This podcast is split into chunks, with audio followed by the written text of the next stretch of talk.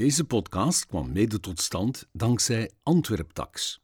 Eind mei startte Bart de Klerk in Antwerpen aan zijn drie maanden lange voettocht richting Santiago de Compostela, ten voordele van Stop Darmkanker. Op zijn tocht krijgt hij af en toe het gezelschap van een bijzondere gast. Luister mee naar uw verhaal in deze podcast. Vamos van Antwerpen naar Santiago de Compostela. Ja, Claudia van der Velde, advocaat uit Antwerpen. Uh, welkom in Mont de Marsan.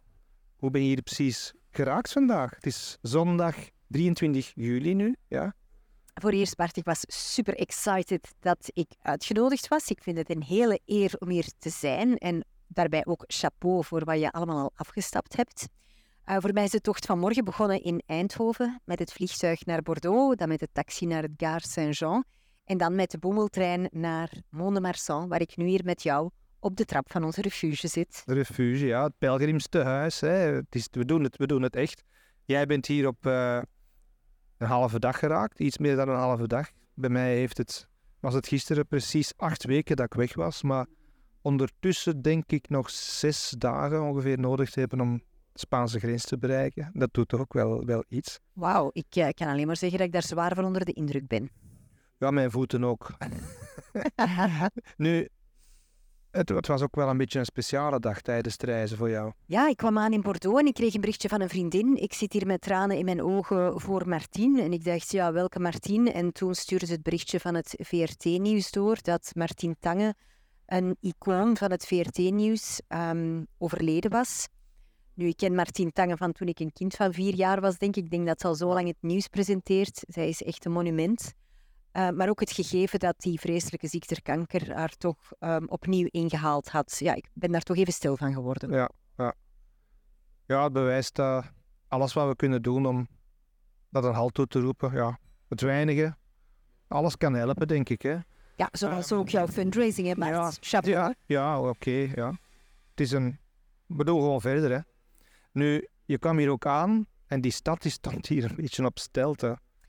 Ja, ik vroeg me af, Bart, of dat je dat speciaal voor mij had georganiseerd. Ik kan veel, maar niet alles. ik had de indruk dat ik midden in de Singsevoort terecht was gekomen. Ja, ja, ja. De Singsevoort in Zuid-Frankrijk. Ja, ja, nee, ze vieren hier de afgelopen... Dit is de laatste dag dat ze dat doen. Vieren ze uh, Saint-Madeleine, blijkbaar. Of Saint-Marie-Madeleine. En uh, ze lopen hier allemaal rond in een witte kiel en een, um, een witte t-shirt en, een, en een, een blauwe halsdoek. Ja, ik had een beetje de indruk dat het, het deed me wat denken aan de, de, de stierenlopen in Pamplona, waar de mensen ook met zo'n halsdoek rondlopen. En um, je had mij ook gezegd dat er hier een corrida is. Waar ja, ja, ja, er is een arena en blijkbaar deze namiddag was daar een soort stierenvechten. Maar... En ik heb het gevraagd of ze de stier ook echt dood doen. Ze beweerden van wel. Ik wist niet dat dat in Frankrijk nog bestond. Uh, dus je merkt aan alles dat we begon, bijzonder dicht bij de Spaanse grens aan het komen Ja, dat is heel opvallend. Het is een stukje minder Frankrijk en al meer Spanje. Nee. Ja. Um, maar ik heb hier vooral ook uh, veel dronken mensen al gezien. ja, dat gaan wij vandaag niet doen. Nee. Want we gaan morgen op tijd vertrekken. Jazeker. Hè, naar Saint-Sever. Dat is toch weer al 20 kilometer dichter bij uh, uh, de Spaanse grens. Hè. La Frontera, hè, zoals ze dat in het Spaans zeggen. En ja, we gaan nog iets drinken. We gaan nog ja. iets zoeken om te eten. Houden. Maar we gaan maat houden, want morgen om 7 uur de boe. Absoluut, met mijn nieuwe wandelschoenen aan. Dus uh, dat komt goed, Bart. Dat komt goed. Ik ben er helemaal klaar voor. Ik hoop dat je ook grief bij hebt tegen de blaren, want nieuwe van wandelschoenen. Alles. Ik heb uh, het shoppingcenter van Weinigem leeggekocht aan blaren, pleisters en cremmetjes en you name it. Dus dat komt goed. Dat gaan we morgenavond aan zien. Oké, okay, tot morgen.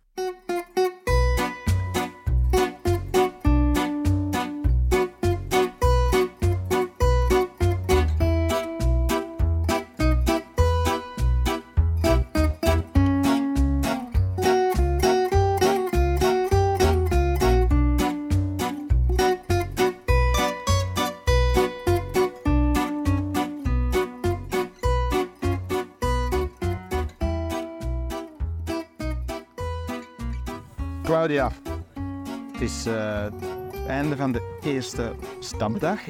We zijn vertrokken in Londe-Marsan vanmorgen en we zijn nu in Saint-Sever. Wat vond je ervan?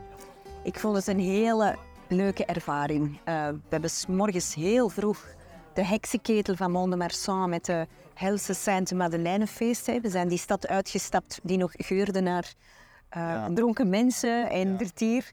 Um, uitgestapt om direct... zicht, het, nee. het lag vol met vuilnis en uh, verder is van een groot festijn. Ja. Maar dan zijn we de stad uitgestapt en eigenlijk vrijwel onmiddellijk in, uh, in een mooie natuur beland. Ja. En uh, hele mooie paadjes, heel afwisselend. Uh, ik heb me geen minuut verveeld en ik vond het eigenlijk heel fijn om te doen. Ja, en waar ik voor vreesde is ook gebeurd, alleen het viel af mee. waar vreesde ik voor? Ik dacht, ja, met Claudia, we zo babbelen, tetteren zoals wij zeggen, dat we af en toe een wegwijzer over het hoofd zien. Het is ook gebeurd. Ja, maar maar één keer, hè Bart. Ik vond uh, dat dat goed meeviel. En wat ook fijn was, um, je moest onmiddellijk remediëren, uh, onmiddellijk gaan zoeken in je boekje, kijken. Ja, we zijn dan eigenlijk bijna op een autostrade beland. Maar binnen de vijf minuten zaten we terug op, uh, op het pad met de schelpjes. Ja. Weet je, ziet ook onmiddellijk als je op zo'n drukke baan komt, meestal zit je dan verkeerd. Want de, camino's, ze proberen u zoveel mogelijk te leiden langs wegen die ofwel pittoresk zijn, ofwel ja, toch zo veilig mogelijk. Dat je niet langs enfin, een drukke departementaal, departementaal zoals we uh, moet lopen. Enfin, we hebben het over van, van alles gehad. Wat ik al wist van jou, zo heb ik jou leren kennen. Uh, we hebben zo het contact gehad, hè, omdat je iets wou doen rond uh, Internationale Vrouwendag. Klopt. Hè, en uh, je zei er ook onmiddellijk van, ja, ik, ik, kom op voor vrouwenrechten, ik vind het heel belangrijk. Ik ben wel geen feminazie, zei je dat. Hè? En ik vond dat een geweldig woord. Hè? en voilà. Ja, ik wist toen ook totaal nog niet dat jij zo'n woordkunstenaar was. Bart, ja. dat is mij pas nadien duidelijk geworden. Ja. Maar ik denk dat dat het woord was dat u iets uh, dat getriggerd heeft, omdat, uh, omdat je dat nog nooit had gehoord, dat woord. En ondertussen weet ik inderdaad dat je geen feminazie bent, maar dat je, ja, uh, je hebt het er straks over gehad van ouder worden. Je zegt, eigenlijk is dat voor vrouwen, ik weet niet of je het zo gezegd hebt, ik interpreteer het zo dat voor vrouwen soms wel wat oneerlijker dan voor mannen. Um, dat is ook zo, want als je nu in het algemeen kijkt naar um, mensen op tv, dan een beste voorbeeld vind ik nu de Droomfabriek komt terug. En wie presenteert dat? Bart Peters. Een man die 60 is en die dat nog heel goed doet. Dat is een fenomeen, Bart Peters. Maar dat is dan met Gloria Monseré. En ik denk dat dat meisje 22 is. Ja, dat is voor mij al het beste voorbeeld. Van... Nooit anders is Nee, nee, nee. En dat is jammer. Vroeger hadden we ook nieuwslezeressen. Ik weet nog dat Nadine de Sloveren destijds bij VTM moest opkrassen, dat niet Verstraten mocht blijven. Maar Nadine was toen amper 45. En ik hoor dat ook. Um, een goede vriendin van mij heeft een uh, datingbureau voor mensen die een beetje, ja, hoe moet ik het zeggen, wat verder in het leven staan. En dat doorgaans mannen van mijn leeftijd altijd vrouwen gaan kiezen die minstens vijf tot tien jaar jonger zijn. Ja. Ik denk als je dat als vrouw zou doen, dat men heel raar zou opkijken. En dat maakt, ik heb heel veel vriendinnen uh, veertigers, prachtige vrouwen, heel aantrekkelijk, uh, gestudeerd, uh, carrière. En die zeggen, ja, wij zijn blijkbaar een onzichtbare groep geworden. En dat vind ik heel jammer. En daarom vind ik het ook zo fijn. Je hebt bijvoorbeeld uh, in, uh, in het Antwerpse een, uh, een, een, community op social media, de Wifties, Women in their 50s. Het is ongelooflijk hoe leuke dingen die posten. Ik mag daar niet bij dan. nee, ja, dat bent dan een Nifty, zegt mijn man altijd. Ja. En dan in their 50s. Nee, maar nogmaals, um, ik krijg vaak kritiek van mannelijke collega's die zeggen, moet dat nu altijd? Maar dan denk ik, ja, we've come a long way. Hetzelfde met netwerken. Mannen doen dat al 3000 jaar. Wij doen dat amper 25 jaar. En dan denk ik, laat ons even doen, hè. Ja. Jij bent zelf, wanneer je er geen probleem mee, mee hebt... Uh, ze zeggen wel eens een diplomatisch iemand uh, die de geboortedatum van een vrouw kent, maar haar leeftijd is vergeten laat ons zeggen dat je midden tussen de 50 en de 60 bent. Ja, maar Bart, ik heb er geen enkel probleem mee, want mijn geboortejaar is zo mooi. Ik ben van het jaar 1968. Ja, bijzonder jaar in Frankrijk. Dat is toch een... Zeker in Frankrijk. Ja. Ja, ja, De revolutie. Ja, ja. ja voilà, voilà, voilà. Maar het, het, is dus zo dat je op die leeftijd heel vaak meemaakt dat je ja, goede raad geeft aan ja, beginnende collega's, hè, vrouwen die nog aan het begin van hun carrière staan, en waaraan je ziet van, goh ja, ik herken het, wat er gebeurt met hen. Gebeurt er dan? Ja. ja. En dat is iets, ik heb daar onlangs ook een, eh, een opiniestuk over geschreven. Um, toen ik 30 jaar geleden begon, ehm, hadden wij heel weinig vrouwelijke rolmodellen. Ehm, zowel in de magistratuur als in de advocatuur. En als je die dan had, dan waren dat heel sterke vrouwen, maar die er vaak waren gekomen door zich ehm, op een heel mannelijke manier te gedragen. Ja. En dat moest ook in die tijd, omdat ze anders niet waren geraakt. Maar die hadden heel weinig begrip voor ons. Want die hadden zoiets van, I've come a long way, ik heb hard moeten vechten, dan moeten jullie, jonge vrouwen, vrouwen niet flauw komen doen. Nu, wij wilden ook niet flauw doen, maar ik denk, als ik het bijvoorbeeld vergelijk met de universiteit, ik heb meegespeeld in de revue, uh, het stuk waarin je de rol van uh, een aantal proffen speelt. Er waren maar twee vrouwenrollen in 1991. Ja, um, namelijk, ja er waren er maar twee. En als ik dan nu kijk naar mijn dochters die um, in het vierde jaar rechten zit, dan zie ik dat uh, tal van vrouwelijke assistentes van vroeger wel zijn doorgebroken. Ja. En dat is heel fijn, omdat rolmodellen belangrijk zijn. Ja. Nu, ik zal mijzelf nooit als um, gaan propageren als, nou, ik ben wat ouder en ik ga je wel goed raad geven. Nee, dat hoeft niet. Maar ik merk wel dat je soms zo vaak met je eigen neus tegen de muur bent gebotst. En dat je daar jonge mensen voor een stuk voor wil behoeden door te zeggen: Kijk, uh, wij zijn er als het even niet gaat. Um, we steunen jullie. En um, ik vind het woord sisterhood ook wel heel mooi. En als ik dat zie bij heel veel um, vrouwen rond mij, dat wij zoiets hebben. Wij willen er wel zijn voor die jonge vrouwen, want het hoeft niet zo moeilijk te gaan allemaal. Je zei er straks ook iets van uh, vrouwen die ja, ik kan er geen leeftijd op plakken, maar die merkelijk jonger zijn dan hè, dat wij beiden zijn. Laten we zeggen 30 jaar jonger, 25 jaar jonger. En dat je het hebt over die foto's. Dat je zegt van, kijk, later is nog een foto als je nu bent. Klopt. Hoe zit dat in elkaar? Wel, het is nu eenmaal zo dat die jonge vrouwen soms niet beseffen um, uh, hoe dat ze eruit zien. En dan denk ik van, ja, maar dat is ook het nadeel van social media. Er wordt nu, en ik ben blij dat toen ik jong was er geen social media was, ja. er wordt een schoonheidsideaal gepropageerd dat gewoon niet realistisch is. Iedereen moet size zero hebben, iedereen moet de perfecte wenkbrauwen hebben, uh, moet een bikini-proof body hebben in de zomer. En wat zien we? Heel veel jonge mensen kampen met psychische problemen, omdat dat ideaal gewoon niet realistisch is. En dan denk ik van, stop toch, want jullie moeten iets beseffen door het feit, jullie zijn jong, jullie zijn mooi. En ook al is de ene wat dikker en de andere wauw, weet ik veel. Uh, stop met zo streng te zijn voor jezelf. En uh, wat zien we? Dat vrouwen van mijn leeftijd soms veel zelfverzekerder door het leven gaan, omdat ze dat juk van het oordeel dat andere mensen over je hebben laten vallen. Ik vond een hele mooie quote. Je hebt zo van die uh, modemagazines die dan quoten what not to wear over 40 of or 50. Ja. En Meryl Streep heeft ooit gezegd: What not to wear over 50 is the judgment of other people. Tuurlijk. En dat vind ik zo mooi. En als je dat loslaat, sta je helemaal anders in het leven. Ja. ja. We zitten hier nu op een, ja, een soort marktplein in Saint-Sever. Uh, we zitten in een café en dat café dat heet La Muleta. Nu, La Muleta, als ik het goed heb, is dat doek waarmee de stierenvechter de, ja, de stier uh, ja, probeert om de, om de tuin te leiden. Weet toevallig, want hier in Saint-Sever is ook weer een arena. Dus je merkt dat hier dicht tegen Spanje komen. Um, van, ah, gewoon even dit, de toeristische informatie, want ik zit hier ook ik kijk net uit op het office de toerisme. Misschien dat een dadelijk kom ik het even vertellen. Waar we net ons pelgrimboekje zijn gaan laten. Ja, ja, ja, ja, ja. Je hebt ook een, pelgrim, je hebt een pelgrimsboekje, ja. officieel. uh, ja, omdat je anders gisteren niet kon slapen in de refuge van de pelgrims. Hoe, hoe zat dat in elkaar? Ja, klopt. Ik, ik vind het wel heel fijn dat we gisteren in een refuge hebben overnacht, omdat dat hoort wel bij de hele pelgrimservaring. Want als we gewoon van hotel naar hotel zouden gaan, zou het toch niet hetzelfde zijn. En ik moet zeggen, het had wel iets. Het is heel zomer. Ja. Hè? Ja. Het was eigenlijk... We sliepen ieder op zijn eigen brits. Um, een beetje met Spartaans hè, in de slaapzak. En s'morgens bij het buiten gaan mag je daar eigenlijk gewoon geven wat je wil. Dat is eigenlijk onvoorstelbaar, hè? dat ja. zoiets nog kan in 2023. Ja. En je hebt uiteindelijk een bed, je hebt een douche, je hebt s'morgens ontbijt, zorgen voor u.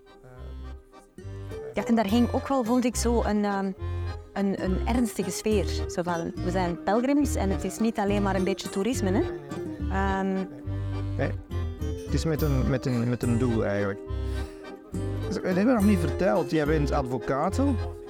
Ehm, ja, hoe zou ik het zeggen? Ben je advocaat of familierecht? Of ben je specifiek echtscheidingsadvocaat? Of een beetje die twee? Uh, nu, familierecht is eigenlijk iets heel breeds. Hè. Mensen denken meteen aan echtscheidingen, hè, waar ik ook een boek over heb geschreven. Eerst hulp bij echtscheidingen.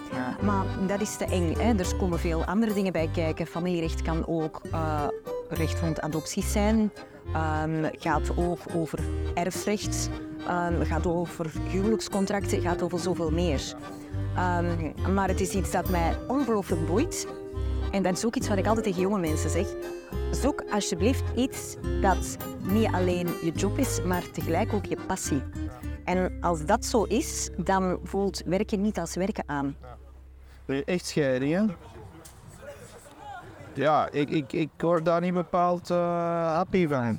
Zeker niet van mijn eigen scheiding jaren geleden. Uh, en dan denk ik, als je daar dan elke dag mee geconfronteerd wordt, ja, is dat af en toe niet zwaar? Dat is de, de negatieve kant aan het beroep. En daar uh, verwittig ik jonge collega's ook vaak voor. Um, je zit dag in, dag uit uh, in heel veel toxische energie.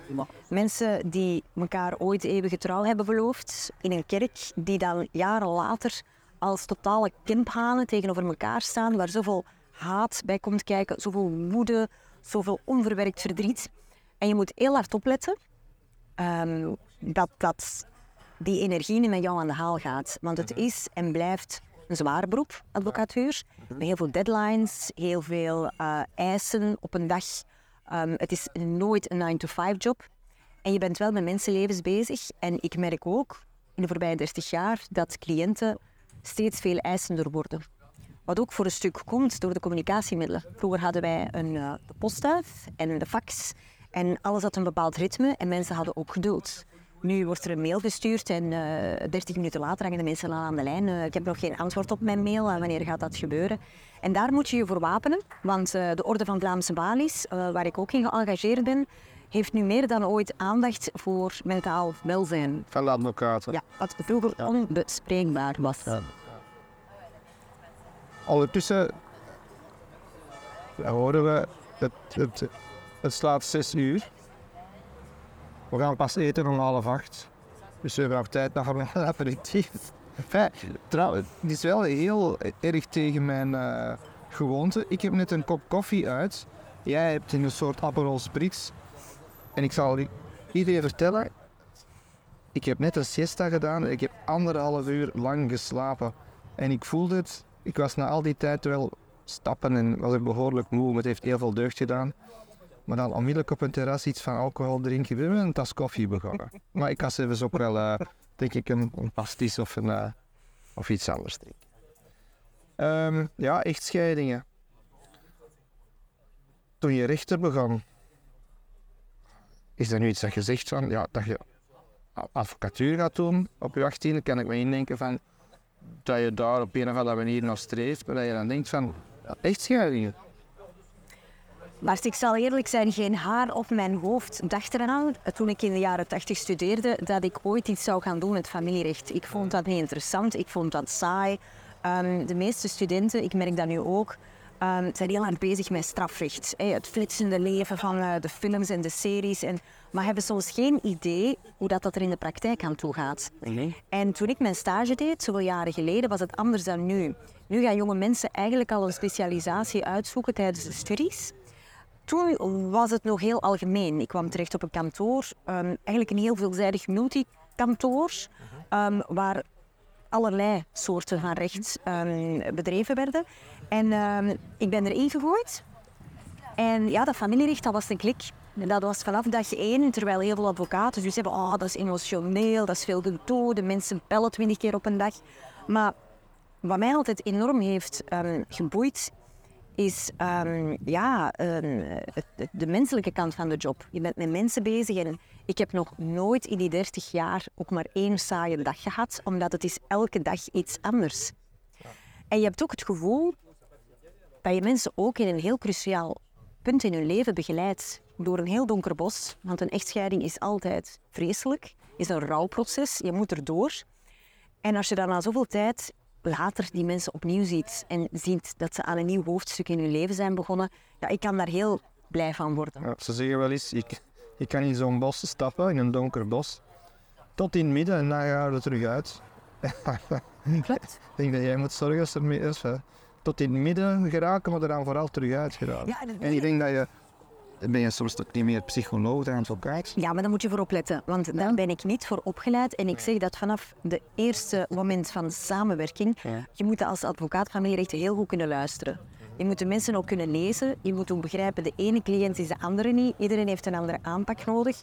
Maar je mag nooit het idee hebben dat je therapeutische steun kan verlenen, want dat kan je Je niet. moet iemand anders doen. Maar daar staan mensen nu veel meer voor open dan 30 jaar geleden. En eh, vroeger, ik zal zeggen, in Amerika had iedereen een therapeut in een echtscheiding. En ik merk dat meer en meer mensen ook inzien dat ze bij die cruciale fase in hun leven soms ook een beetje ondersteuning vanuit die hoek nodig hebben. Mhm.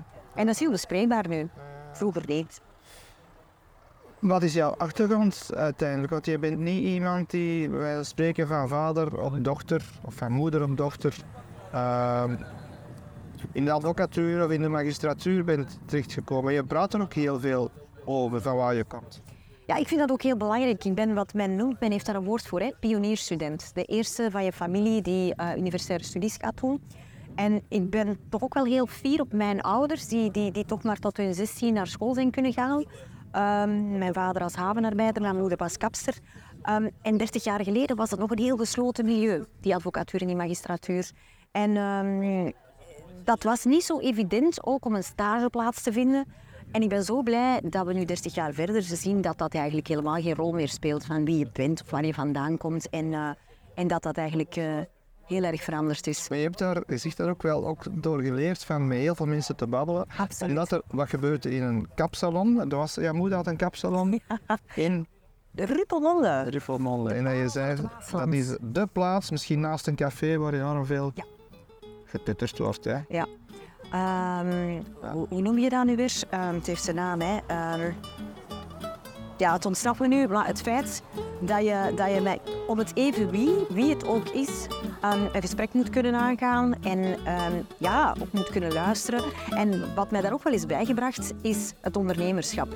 Mijn grootouders waren kleine zelfstandigen en dat kan je niet vergelijken. In die tijd, dat kapsalon was bijna zes dagen op zeven ook, tot s'avonds laat. Dat was zelfs op zondag ook, voor die hadden ook een kapsalon. ja, dat, dat, was eigenlijk de familiebusiness. ja. En eh, wij waren zelfs op zondagochtend open, want dan moesten de mevrouwen naar de vroegmis, allee, om tien uur. Hè, en dan kwamen ze allemaal naar de kapper. Dat kan je je nu niet meer voorstellen. Maar ik heb ook één ding geleerd van mijn grootouders. Ehm, hard werken, dat is er met een paplepel ingegoten, maar je moet ook op tijd kunnen genieten. Want die mensen die zijn eigenlijk ziek geworden en die hebben niet van hun hard werk, van een goede oude dag kunnen genieten. En het leven moet nu geleefd worden, niet... Je hoort wel eens mensen zeggen, ja, maar dan ga ik voor keihard werken en dan ga ik op pensioen. En we weten allemaal dat het leven zo niet werkt. Hè? We hebben al te veel mensen verloren. Hè?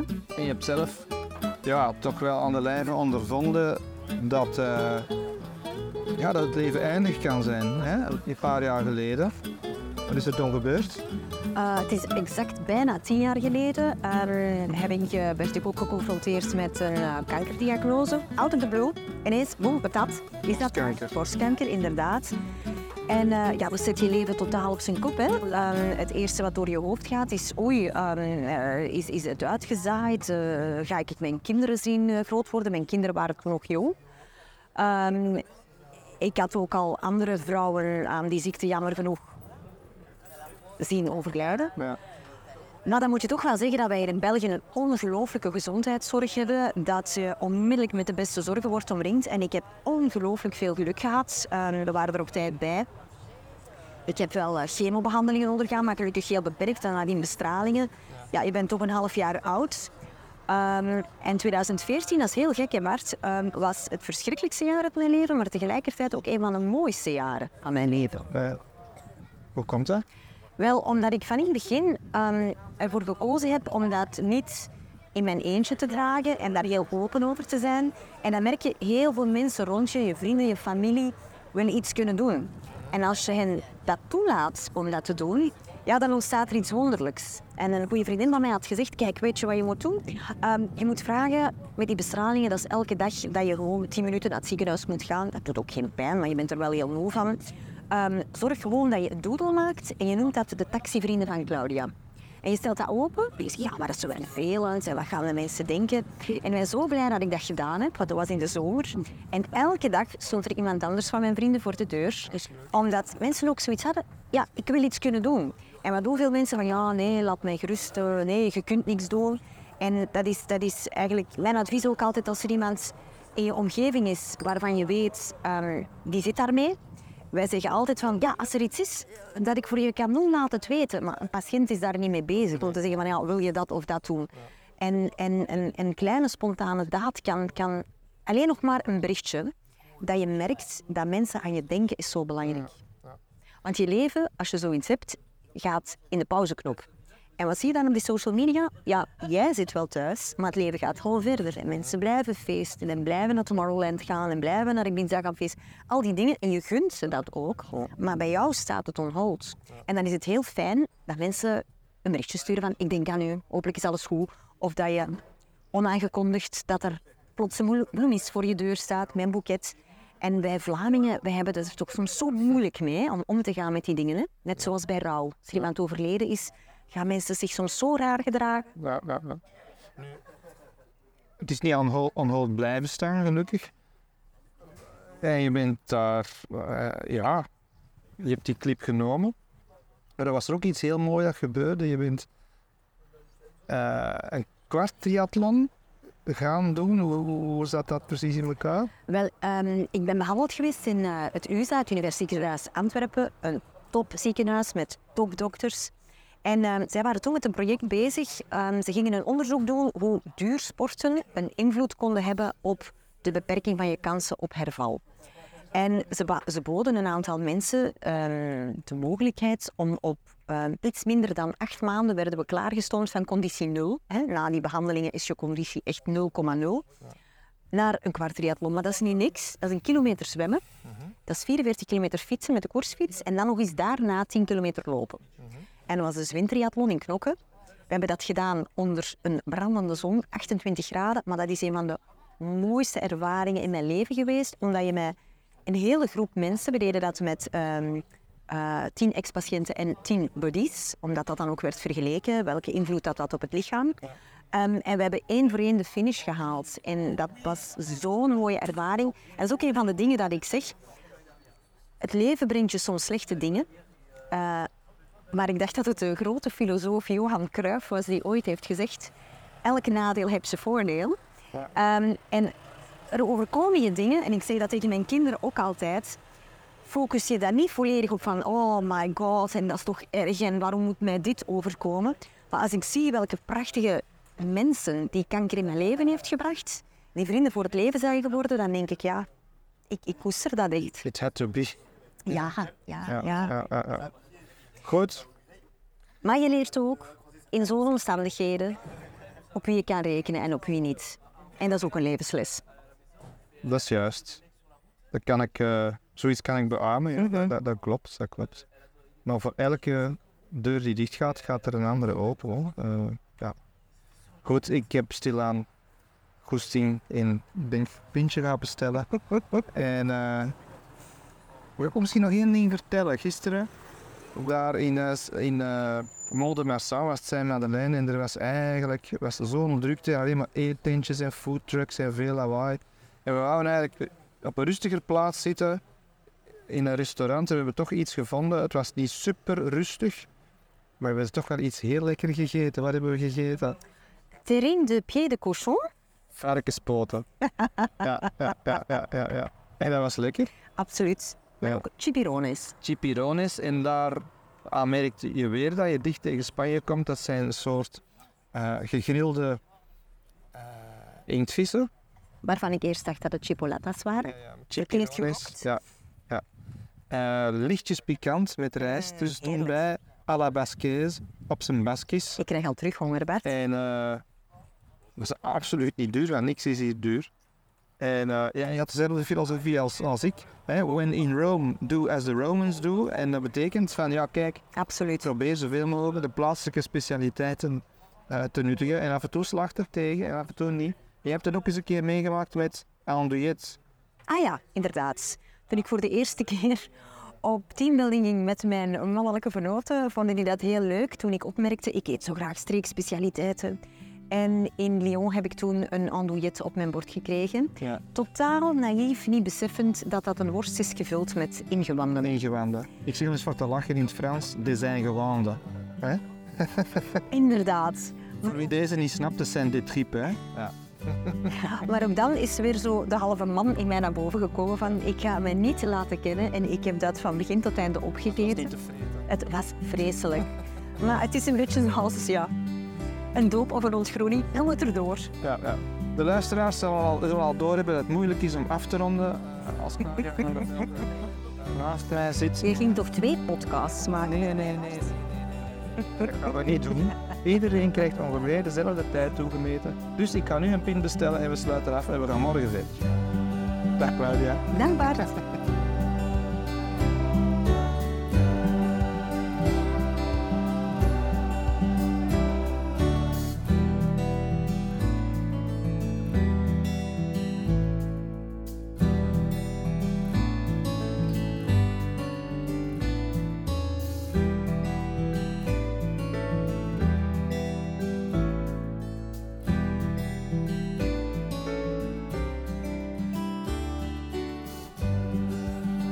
Claudia, we zijn vanmorgen gestart in Saint-Sever.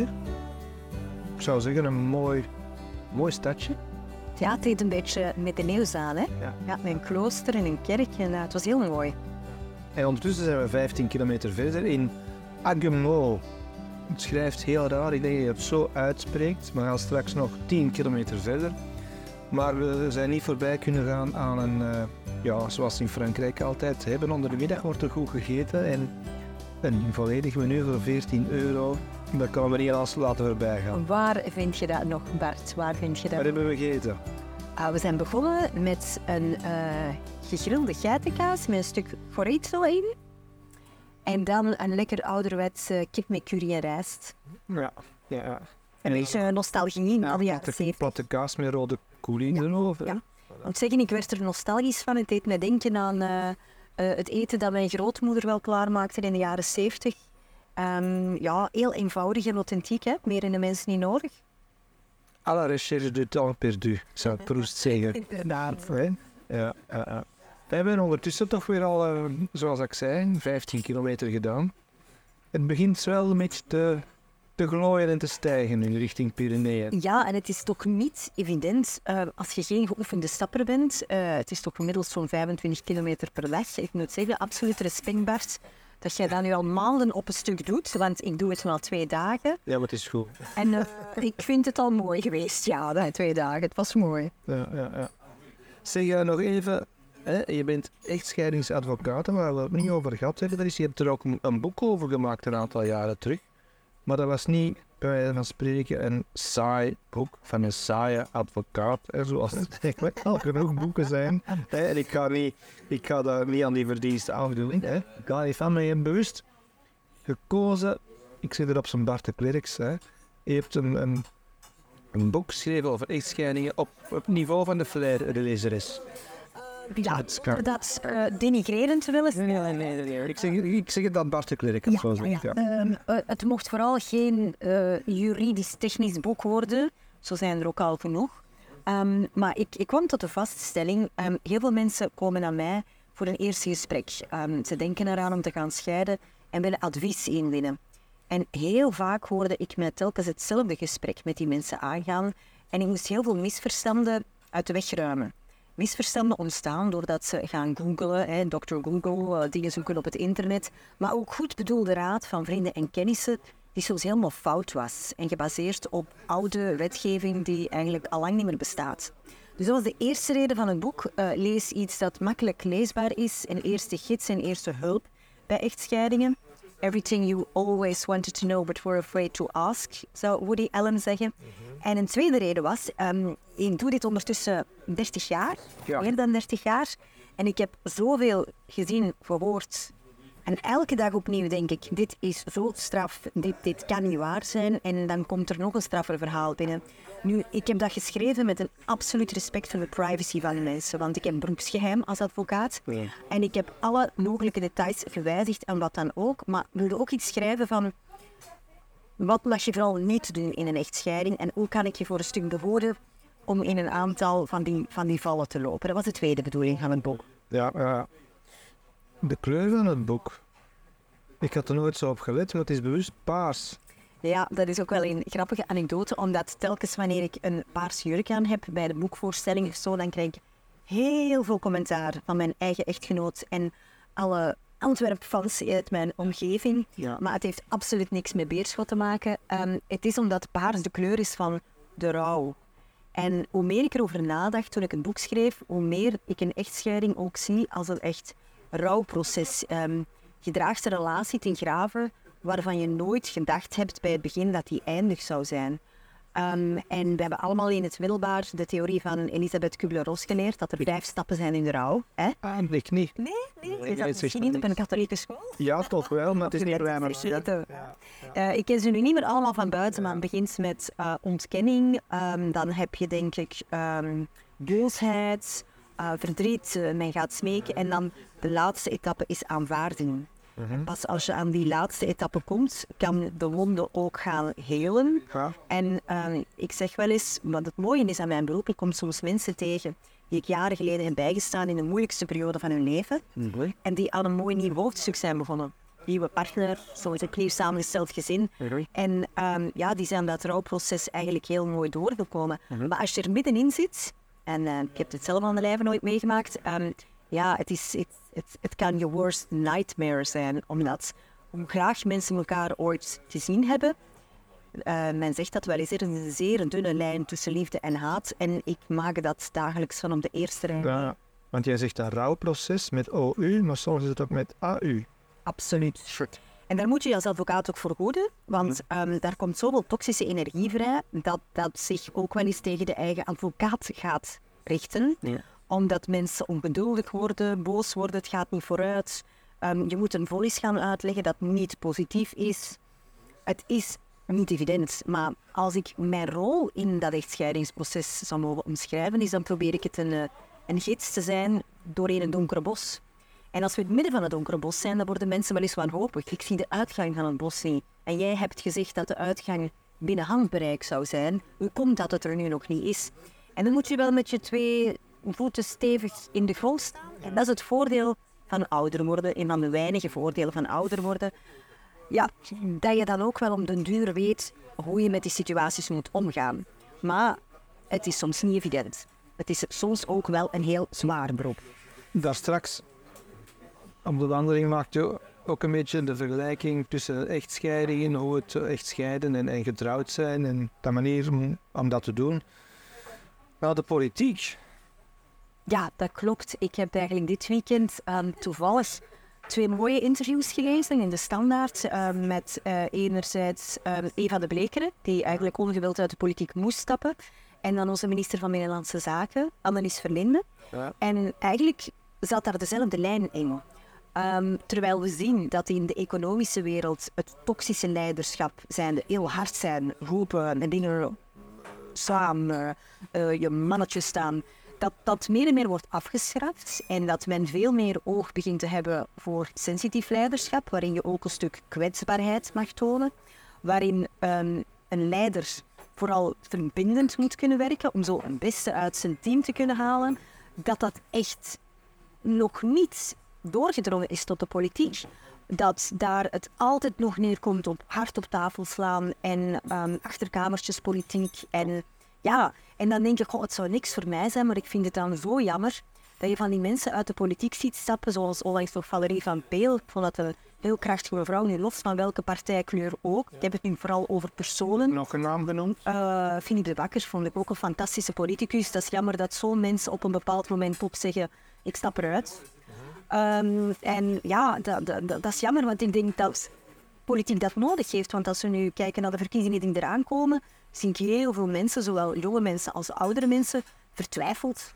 Ehm, in de jaren 70, toen ik jong was, had je echt nog de verzuiling. Je stemde voor degene voor wie je ouders en je grootouders hadden gestemd. Gelukkig zijn we daar vanaf. Ja. Maar je merkt wel als ik dat ook zie bij mijn eigen kinderen, eh, je moet door een bos de nog kunnen zien met al die partijstandpunten. En als ik zie wat een gekibbel onze huidige regering voert, en als ik dan ook de parallel maak met echtscheidingen, zie ik dat daar de wetgever wel heeft ingegrepen en heeft gezegd dat gekibbel moet eindigen. Een vechtscheiding is geen oplossing. We gaan heel de wetgeving veranderen.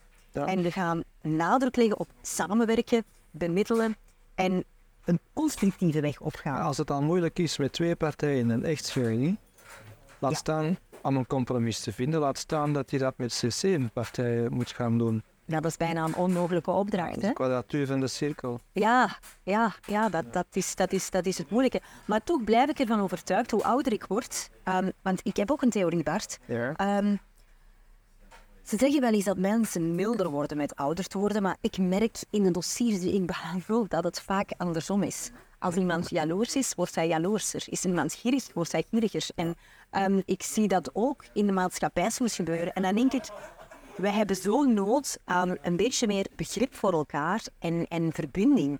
Zonder dat ik daar wollig in wil worden, want ehm, dat heeft niks te maken met al of niet een sterke persoonlijkheid hebben.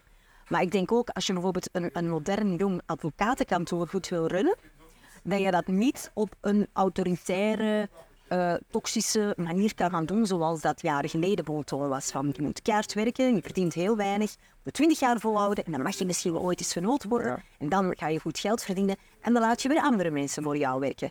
Als ik zie de jeugd is met heel andere dingen bezig, wil een work-life balance hebben, uh, wil andere dingen doen. Um, Ja, en als je dan met verschillende generaties binnen één kantoor zit, ja, dan, dan heb je dat verbindende nodig om, om, om samen het schip uh, op goede weg te houden. Oké, we hebben hier net uh, nog twee koffies besteld. Heerlijk. Met ouder worden, uh, hoe zei je dat? Je wordt alleen maar, als je jaloers bent, word je jaloers. Als je zo bent, word je. Als ik koesting heb in koffie, dan heb ik alleen wat meer koesting in koffie als hij eraan komt. Dus Eerst nog een koffie en dan gaan we verder van. Oké? Okay? Perfect.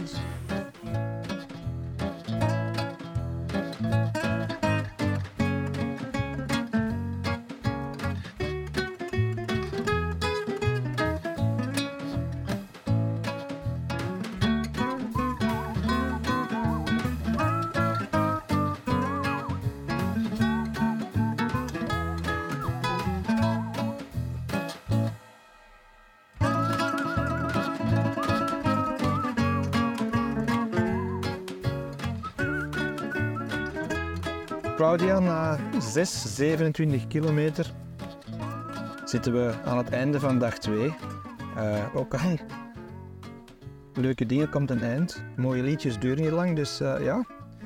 Uh, het is tijd om af te scheiden te nemen. We hebben hier op het einde, want het was wel een zware wandeling met heel veel klimmen en dalen. We hebben nog een stuk peperkoek gegeten dat nog in jouw rugzak zat, maar daar had een verhaal aan vast. Ja, toen ik landde in de luchthaven van Bordeaux, moest ik heel mijn koffer open doen omdat ze iets verdacht hadden zien zitten. En meestal zijn dat dan liquids, parfum of zo. Maar nee, dit keer was het een zeer verdacht pakje met daarin mijn peperkoek versterkt met magnesium. En uh, ja, aangezien ik uit Antwerpen kwam, dachten ze misschien dat het om pepercoke ging. Ja. Dat niet het geval is. Ja. We zijn niet haaien nu in elk geval. Nee, nee, nee. nee. We hebben gewoon onze suikerspiegel even ja. op niveau gebracht. Hè? Ja. Uh, wat vond je van vandaag en gisteren? Um, ik vond het superleuk, Bart. En ik voel me echt ook heel vereerd dat ik die twee dagen bij jou heb mogen meestappen. Um, ik vond het vrij vermoeiend ja. als niet geoefende stapper. Ja. En um, ongelooflijke bewondering voor jou, want uh, jij doet dat drie maanden op een stuk. Ja. Maar wat ik vooral ook fijn vond, is wij zijn door een stukje Frankrijk gestapt waar we gewoon geen levende ziel tegenkwamen. het leek wel of dat je door een landschap in zo'n dystopische film liep. Um, waar, waar je om het even wat kon tegenkomen. En, en ja, ik vond dat... Uh, ja. Je hebt het wel over griezelfilms gehad, hè? ja. Want dystopisch, ik denk niet dat iedereen dat verstaat. Dat zijn zo van die films. Dat was jouw woord, hè? Ja. Uh, nee, ik denk dan aan uh, series zoals The Walking Dead, waar er uh, om elke hoek een zombie kan afkomen, of ja. de Texas Chainsaw Massacre. Ja. Maar tegelijk, Bart, wat zo fijn is in zo'n um, lange landschappen, Um, waar we af en toe wel eens een gekke hond tegenkwamen. Die is dan uh, zeven kilometer voor. Zeven kilometer is die hond meegestapt. Ja, Bobby. Ja, dan Bobby gedoopt. ja, ja. gedoopt. Ja, maar nu zien we hem niet meer, dus Bobby eh, heeft eh, zijn weg gevonden. Maar het is ook heel goed um, om je hoofd helemaal leeg te maken.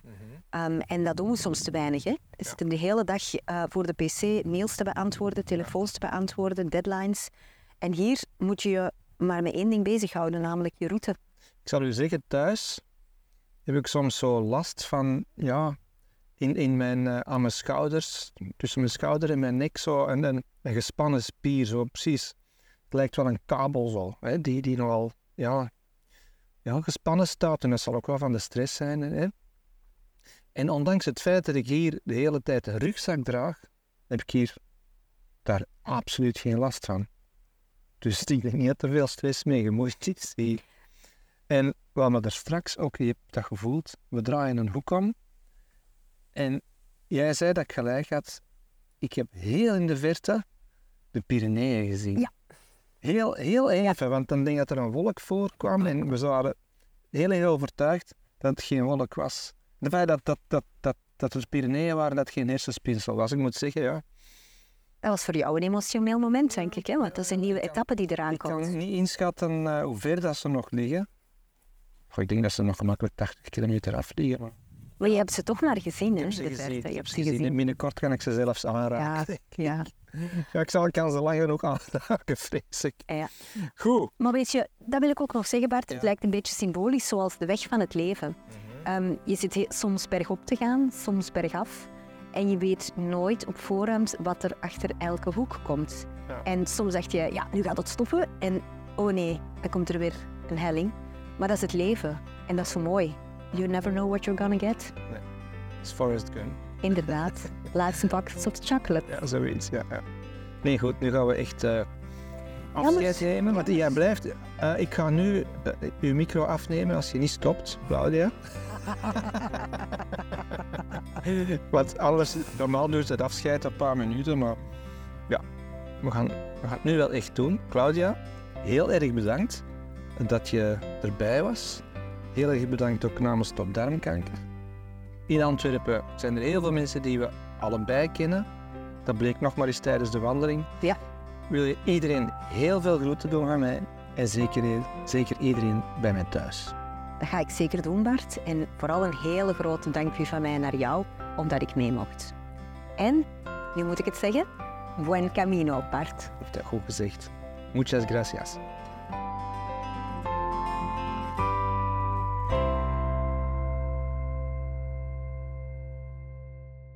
Deze podcast kwam mede tot stand dankzij Antwerp Tax.